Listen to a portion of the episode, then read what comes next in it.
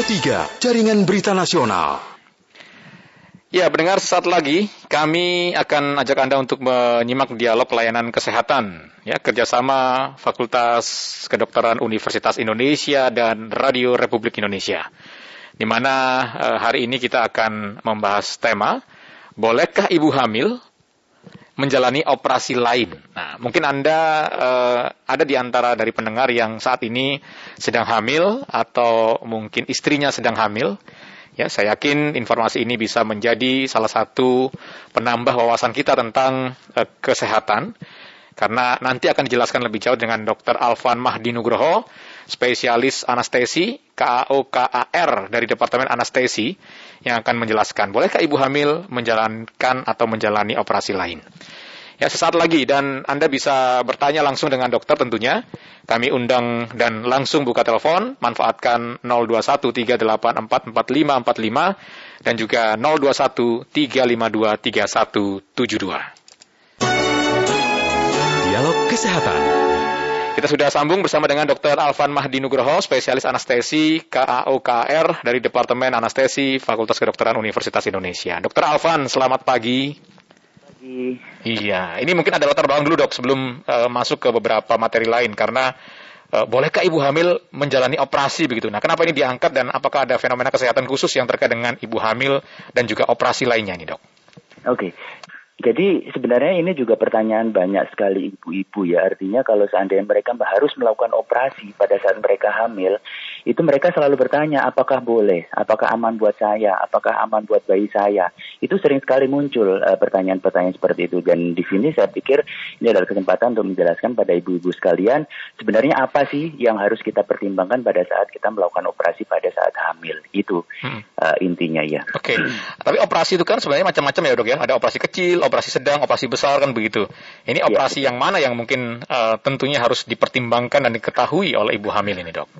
Nah, sekarang prinsip utamanya adalah kita harus sebenarnya kita harus menghindari artinya menghindari itu artinya menunda operasi apabila tidak diperlukan. Hmm. Artinya paling safe adalah kita menunda setelah bayi tersebut lahir. Hmm. Nah, tapi kadang-kadang kita harus menghadapi satu operasi yang tidak bisa ditunda. Nah, ini yang jadi per permasalahan. Ya, misalnya, misalnya pasien tersebut uh, jatuh misalnya, terus harus dilakukan penyambungan tulang misalnya, atau oh, pasien tersebut iya, usus iya, buntu iya. misalnya, oh, iya, harus iya. dilakukan operasi. Nah, hal-hal yang tidak bisa dihindarkan seperti itulah yang kadang-kadang memberikan khawatiran pada ibu. Hmm. Ini aman tidak, aman tidak seperti itu. Iya, iya. Operasi karena jatuh tulang retak ini kan kalau dibiarkan juga berbahaya kan dok ya. Betul, Maka betul, kemudian betul. ibu harus mempertimbangkan apakah lanjut atau tidak ini. Kira-kira bagaimana dok masukan untuk ibu hamil ketika menghadapi permasalahan operasi yang memang tidak bisa ditunda? Maka sebaiknya step by stepnya apa yang harus dilakukan? Oke, jadi gini, pada prinsipnya operasi itu kita bagi menjadi tiga ya. Operasi yang elektif atau bisa terjadwal kapan saja dan untuk operasi ini sebaiknya memang ditunda setelah hamil. Kalau operasi yang esensial, esensial itu artinya tidak harus dilakukan hari ini, tapi operasi tersebut menyangkut uh, misalnya pertumbuhan tumor misalnya. Kalau kita biarkan nanti tumornya semakin besar, semakin uh, lengket, menyebar dan lain sebagainya, itu juga harus kita kerjakan. Atau operasi yang benar-benar tadi saya sebutkan yang situ, yang sangat emergensi, itu harus diper, dikerjakan juga. Nah, hal-hal ini uh, harus diperhatikan. Terus yang kedua adalah usia kehamilan. Nah, usia kehamilan berapa yang paling aman untuk dilakukan operasi? Ini kita berbicara pada saat hamil ya. Yeah, yeah. Kita berbicara pada saat hamil itu ada usia kehamilan trimester pertama, trimester kedua, trimester ketiga. Artinya tiga, tiga bulan pertama, tiga bulan kedua, dan tiga bulan ketiga. Masing-masing dari sini mempunyai risiko masing-masing ya. Jadi risiko untuk tiga bulan pertama, tiga bulan kedua, tiga bulan ketiga itu akan harus kita informasikan pada masing-masing ibu tersebut. Saya beri contoh hmm, misalnya. Untuk kehamilan yang masih muda misalnya, kehamilan masih muda kita berhadapan dengan kemungkinan walaupun kecil ya, walaupun kecil kemungkinan nanti bayinya akan terjadi keguguran. Nah, itu itu harus kita sampaikan kepada keluarga. Tapi sementara saat ini dalam kondisi yang normal, dosisnya bagus, operasinya berjalan lancar, biasanya tidak terjadi, tapi tetap kita harus informasikan. Begitu juga misalnya trimester ketiga atau hmm. bulan terakhir. Pada saat kita lakukan operasi, apalagi operasinya besar, perdarahan dan lain sebagainya, kita harus menghadapi apa? Yang harus kita hadapi adalah kemungkinan untuk uh, bayi tersebut lahir lebih cepat daripada yang ditentukan. Nah, itu harus kita informasikan. Hmm. Jadi masing-masing dari bulan ini juga menentukan uh, keberhasilan dari operasi baik ibu maupun janinnya. Gitu. Ya, ya. Selain kemungkinan bayi lahir bisa lebih cepat, sebenarnya dampak dari operasi itu apa dok yang kemungkinan muncul untuk ibu-ibu ini? Ini kan yang dikhawatirkan di dalam operasi itu kan selain ada pembedahan, ada anestesinya gitu ya dok ya, Betul. ada pembiusannya. Itu kan memang orang kemudian mempertimbangkan banyak untuk kesehatan dari sang ibu dan sekaligus bayinya ini. Jadi apa resiko-resiko yang kemungkinan dihadapi bagi ibu hamil?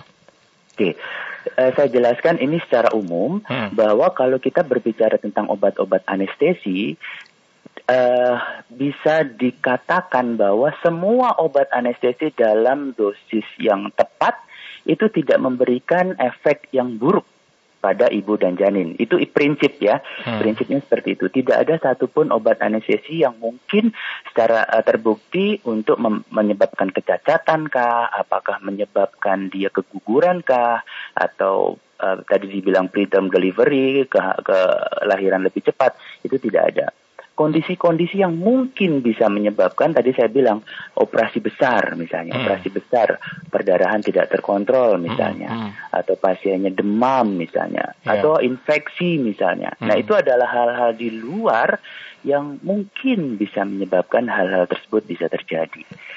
Jadi tugas kita sebagai dokter anestesi, dokter bedah adalah menjaga uh, kesejahteraan ibu pada saat operasi itu yang wajib. Ya. Hmm, hmm. Oke, okay.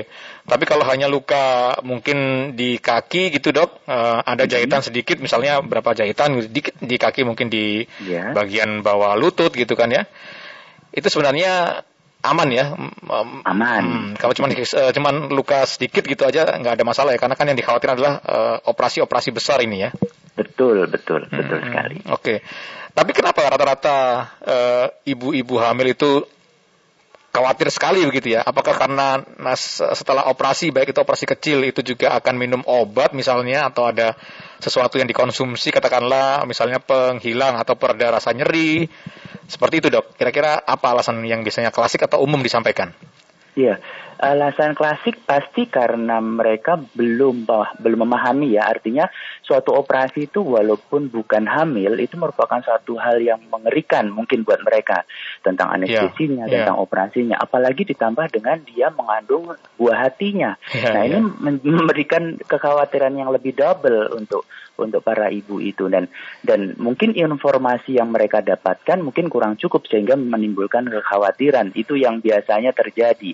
Nah, kita sebagai dokter kita harus jelaskan secara detail uh, risikonya, terus kemudian teknik apa yang kita gunakan untuk bisa menjaga ibu dan bayi tersebut. Jadi uh, secara klasik karena mungkin informasi yang mereka terima kurang. Untuk obat-obatan sebenarnya untuk wanita hamil kita sendiri sudah punya kesepakatan atau guideline mana-mana obat yang boleh diberikan atau mana obat-obat yang memberikan risiko kalau kita berikan pada saat hamil dan itu sudah ada uh, panduannya khusus untuk obat-obatan tersebut jadi nggak perlu khawatir untuk ibu-ibu itu. Mm -hmm. Iya. Saya pikir memang real sih dok, karena bukan hanya ibu hamil ya kita aja kalau sudah dengar bapak besok harus operasi gitu kan, sudah langsung pikirannya ke mana-mana. Padahal operasi itu ada banyak macamnya, ada tiga tadi ya. Jadi kita iya. itu selalu saja ketika mendengar kata operasi itu langsung agak merinding ini. Betul, betul sekali. ya, ya. Uh, dok, kita boleh undang pendengar ya. Mungkin ada yang ingin bertanya ya. Siapa tahu ada satu dua penelpon yang ingin uh, konsultasi langsung. Dan pendengar untuk pagi ini kita bersama dengan Dr. Alvan Mahdi Nugroho, spesialis anestesi KUKR ya, Departemen Anestesi dari FKUI. Ya, Anda bisa bergabung melalui 021 384 4545 atau 352 3172 dan 081 399 399 888. Nah, dokter, eh, operasi yang tentunya operasi sedang ini ya, kalau kita bicara operasi sedang atau mungkin sebelum operasi deh, eh, kapan seseorang itu kemudian atau seorang ibu hamil itu uh, memutuskan begitu ya atau harus ke dokter untuk mengecek. Karena ini kan terkait dengan banyak hal ini bukan hanya kesehatan dirinya tapi juga kesehatan anaknya. Ketika mengalami luka atau mengalami masalah yang butuh dioperasi ini sebaiknya uh, segera atau bagaimana dok karena kan mungkin tadi contohnya operasi tulang ya ragu-ragu ke dokter tiba-tiba pilihannya bukan ke dokter melainkan ke ahli uh, apa namanya kalau tulang yang bukan dokter ini. Jadi seperti sangkal putung ya kalau ada istilah begitu ya. Mungkin dokter juga tahu ya ada sangkal putung begitu. Oh saya daripada ke dokter nanti dioperasi saya ke sangkal putung saja begitu. Ini ini juga membawa resiko yang lain ya dok ya. Betul, betul. Ya, jadi uh, saya sarankan kepada ibu-ibu semua yang memiliki masalah yang apakah itu harus dioperasi atau tidak, ada kejanggalan dalam tubuhnya, segera saja untuk berkonsultasi kepada dokter obstinnya dulu, yang pertama dokter kandungannya dulu. Oh, iya, Nanti iya. dari dokter kandungan itu mungkin pasti akan uh, akan di refer atau dialihkan, uh, dikonsultasikan kepada dokter-dokter yang berkaitan dengan kelainan yang ada pada ibu tersebut. Hmm. Misalnya, Hmm. misalnya tadi uh, contoh, contoh misalnya uh, sakit perut, misalnya kanan, misalnya sakit perut bawah. Ah, ini ada kecurigaan misalnya apakah di bidang kandungan, apakah di bidang bedah misalnya. Hmm. Dan itu nanti akan dikonsultasikan oleh dokter kandungan yang biasa uh, ibu-ibu itu uh, kontrol untuk dokter bedah untuk dicek. Jangan-jangan misalnya ada usus buntu misalnya dan dan apabila ada ya mungkin yang terbaik adalah uh, dilakukan operasi karena misalnya kita tunggu misalnya Uh, kemudian akhirnya usus buntunya pecah, perforasi, akhirnya terjadi infeksi dan lain-lain, mungkin keadaannya akan jauh jauh lebih buruk dibandingkan kalau kita dari awal kita uh, lakukan treatment gitu. Hmm, hmm. Oke, Eh, berarti untuk operasi usus buntu ibu hamil ini cukup sering dilakukan dok oleh dokter Oh, cukup sendiri? sering. Ya, Cukup sering ya? cukup sering. Oh, Cukup sering, iya. Iya iya. Di Dan itu kehamilan berapapun ya. oh di kehamilan berapapun dan itu aman ya dok ya sejauh ini ya? Sejauh ini aman, sejauh ini aman. Hmm, Oke. Eh, bahkan mungkin orang tua eh, sebagai ibu gitu kan, wah ini nanti yang dibedakan di bagian perut gitu. Eh, ini gimana dok ini? yang dibedakan nanti di bagian perut, di dalam situ ada anaknya juga kan gitu ya? Itu Iya. gimana dok? Eh, mungkin ada penjelasan yang lebih eh, mudah dan kemudian orang tua jadi paham bahwa nggak seperti itu loh, nggak sekhawatiran itu. Seperti apa dok? Betul betul.